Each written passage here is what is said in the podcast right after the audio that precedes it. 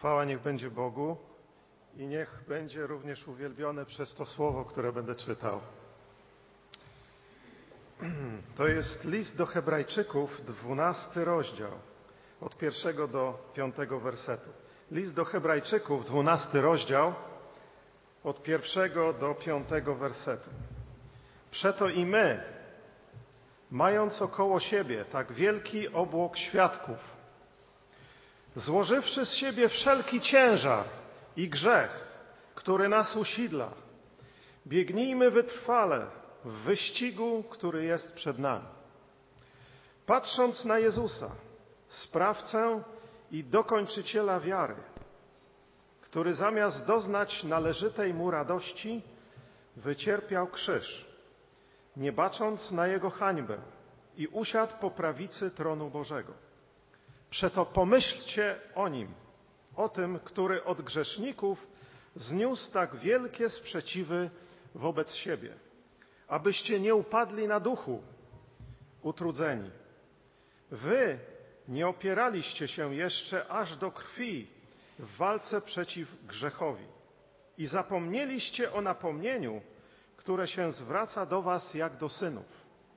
Synu mój, nie lekceważ karania pańskiego, ani nie upadaj na duchu, gdy on cię doświadcza.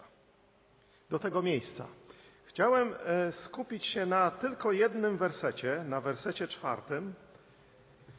Wy nie opieraliście się jeszcze aż do krwi w walce przeciw grzechowi. To jest fragment skierowany do ludzi uciśnionych, do prześladowanych chrześcijan, do ludzi, którzy przeżywają utrapienie. Ten cały list i autor tego listu chce nas podnieść na duchu, również po dwóch tysiącach lat. Chciałbym, abyśmy również my czerpali pociechę z Pisma Świętego. W XXI wieku, w Europie, w Warszawie, tutaj w zborze baptystów, y, walczymy o wiele rzeczy. W tym fragmencie jest powiedziane o walce. My walczymy na przykład, żeby mieć dobre stopnie w szkole. Walczymy o dobre wyniki w sporcie. Walczymy o to, żeby mieć dobrą pracę. Walczymy o to, żeby zdobyć chłopaka czy dziewczynę. Walczymy o to, żeby mieć pozycję w społeczeństwie, o sławę, o prestiż, o stanowisko. Walczymy o to, żeby wygrać wybory polityczne.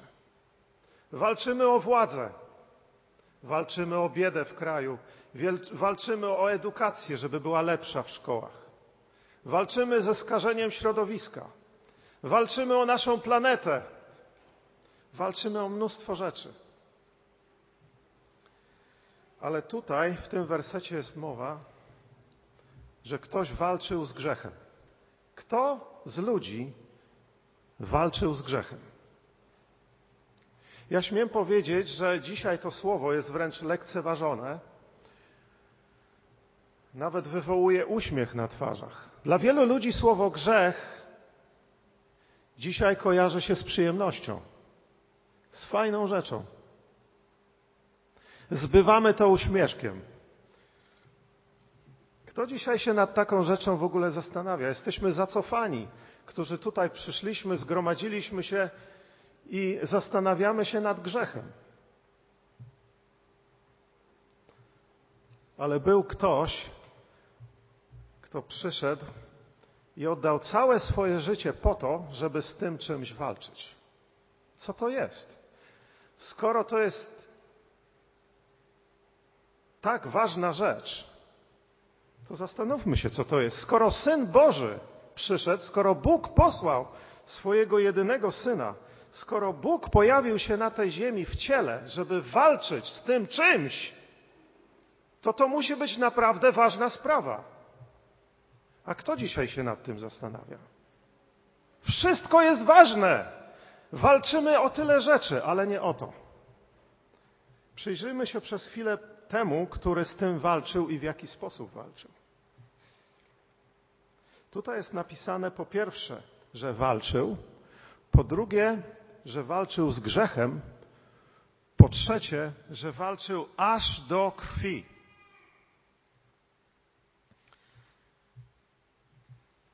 Pamiętamy jego pierwsze kazanie.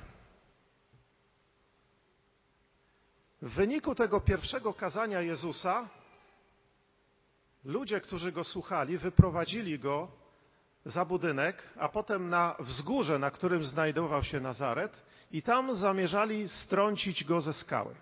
To był efekt kazania. Nie wiem, czy któryś z kaznodziejów w ostatnich czasach przeżył taki efekt swojego kazania. Jezus to przeżywał. Od samego początku już czyhano na jego śmierć, już od dziecka. Dlaczego? Bo przyszedł, żeby walczyć z grzechem. Przez całe swoje życie nie założył rodziny, nie czerpał przyjemności z tych wszystkich rzeczy, które mieliśmy, gdyż miał jedną rzecz na względzie grzech. Żeby go zwalczyć, żeby go pokonać.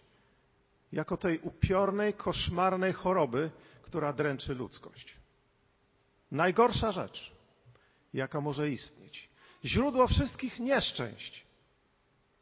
I z tym czymś przyszedł walczyć.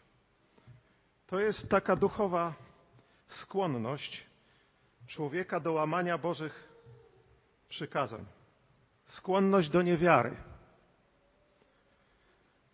do odstępstwa od Boga, do wątpienia, czy On w ogóle istnieje.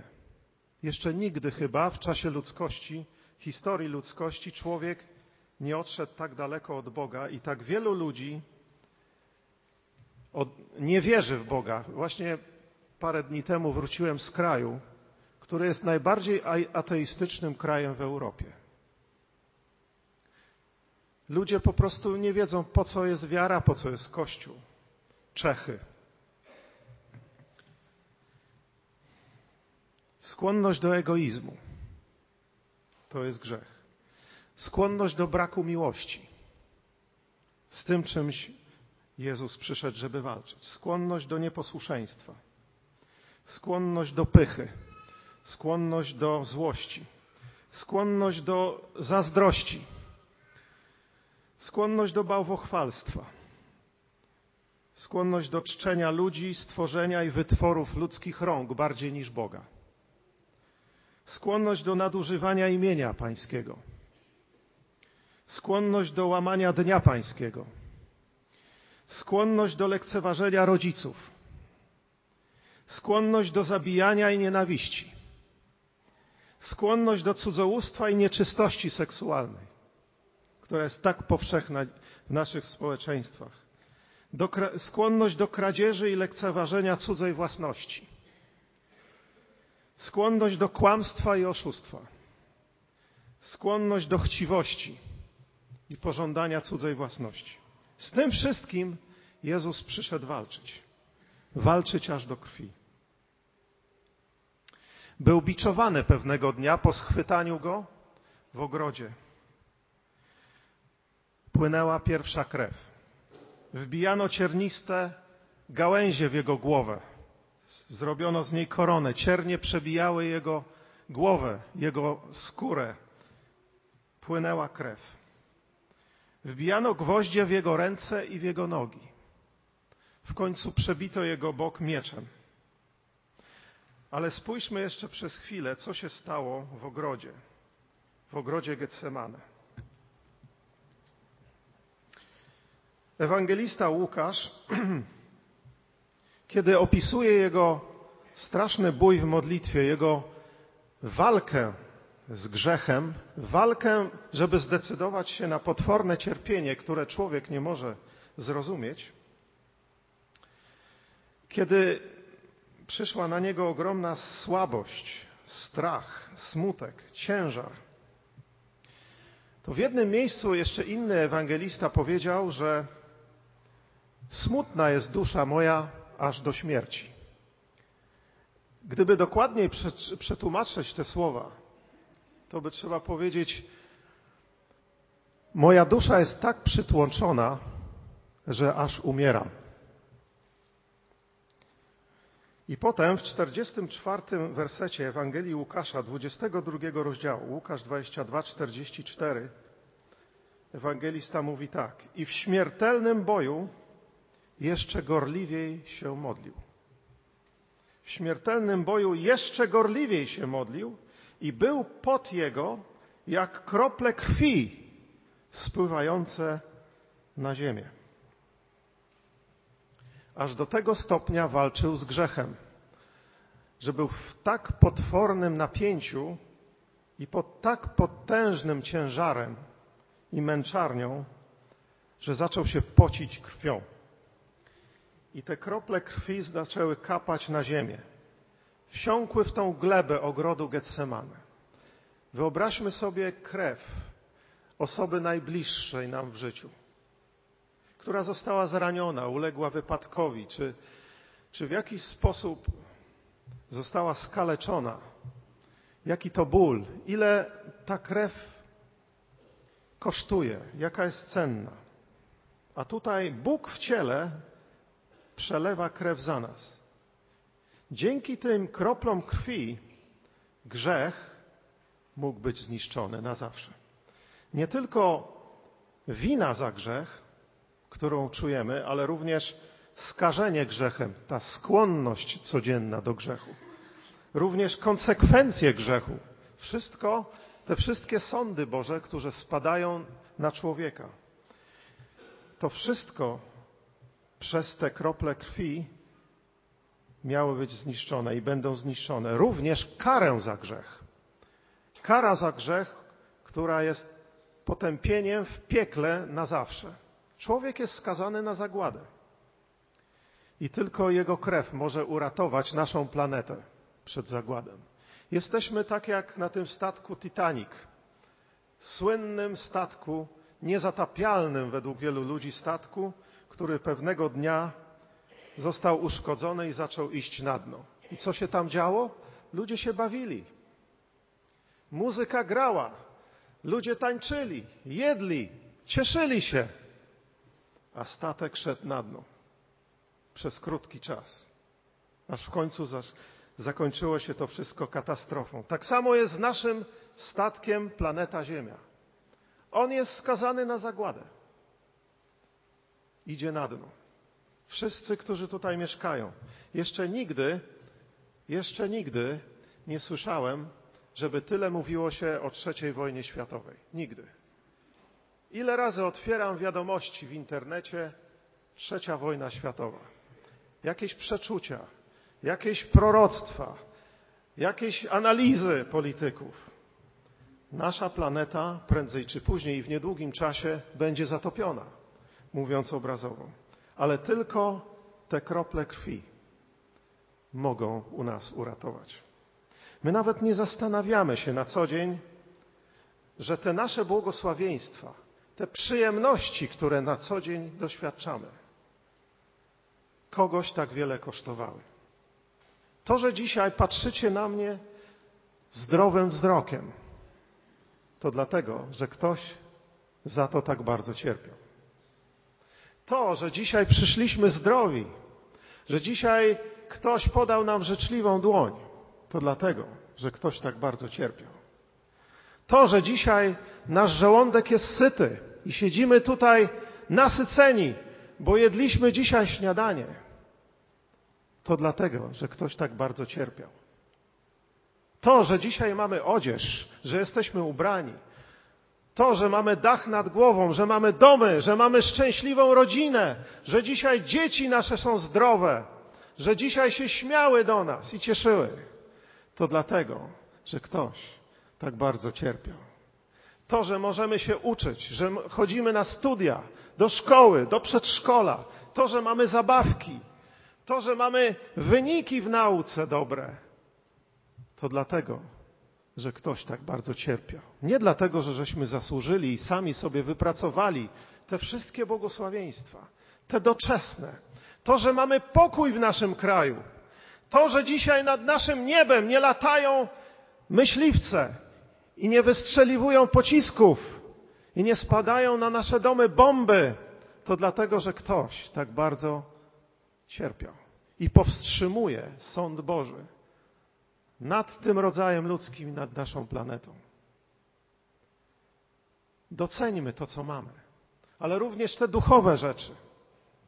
Każda wysłuchana modlitwa to dlatego, że ktoś tak bardzo cierpiał. To, że przeżywaliśmy błogosławieństwo, radość i pokój w naszym sercu, kiedykolwiek, czy dzisiaj, to dlatego, że ktoś tak bardzo cierpiał. To, że mamy przebaczone grzechy, dlatego, że ktoś tak bardzo cierpiał. To, że nie pójdziemy na potępienie wreszcie i nie będziemy w piekle na wieki, to dlatego, że ktoś tak bardzo cierpiał. Te krople krwi, które wsiąkły w tą glebę ogrodu Getsemane, są tego powodem. I to, co, wszystko, co się potem stało, to dlatego. Doceńmy to, co mamy. Śpiewamy w tym, tej starej pieśni czasami o ta krew, ta Boża krew, co ucisza Boży gniew, strzeże wzbątpień ciemną noc. Tej Bożej krwi cudowna moc. Dzisiaj siły ciemności boją się tego słowa. Krew Jezusa Chrystusa. W niej jest moc, której my ludzie nie rozumiemy. Ale kiedy schronimy się pod jej osłonę, kiedy wzywamy Jezusa i polegamy na Jego śmierci, jesteśmy w cudowny sposób ocaleni. Jesteśmy chronieni. Ileż to razy Bóg wyratował nas, kiedy nawet nie wiemy, od wypadków, od pokus, od ulegania grzechowi, od niebezpieczeństw wszelkiego rodzaju, od ataków diabelskich, kiedy pojawia się Jezus i kiedy śpiewamy o tej krwi, wysławiamy Go za Jego mękę, kiedy mówimy o tym i cieszymy się tym, szatan jest wściekły i on tego nienawidzi, ale my jesteśmy bezpieczni, dlatego że Jezus zwyciężył. Ktoś może powiedzieć: Ojej, zbawienie, wy protestanci, mówicie, że to jest takie proste, tylko uwierzyć w Jego śmierć i w Jego krew. Wszystko jest takie proste, już przebacza, nic nie trzeba robić. Wiecie, dlaczego jest takie proste i takie łatwe? Dlatego, że dla kogoś to było tak ciężkie. Dlatego, że dla Jezusa Chrystusa to było tak straszne, potworne i podłe. Dlatego dzisiaj jesteśmy wolni. Dziękujmy Bogu za to, co mamy. Doceńmy za to, co wszystko mamy. Uwielbiajmy Go za Jego ofiarę, za Jego krew, za Jego śmierć. To jest sedno i serce Ewangelii. O tym mówmy. Za to Bogu dziękujmy. O tym świadczmy. Jezus, który walczył z grzechem, zwyciężył. I my możemy dzisiaj zwyciężyć i być wolni dzięki temu wszystkiemu. Chwała niech będzie Jezusowi Chrystusowi. Amen.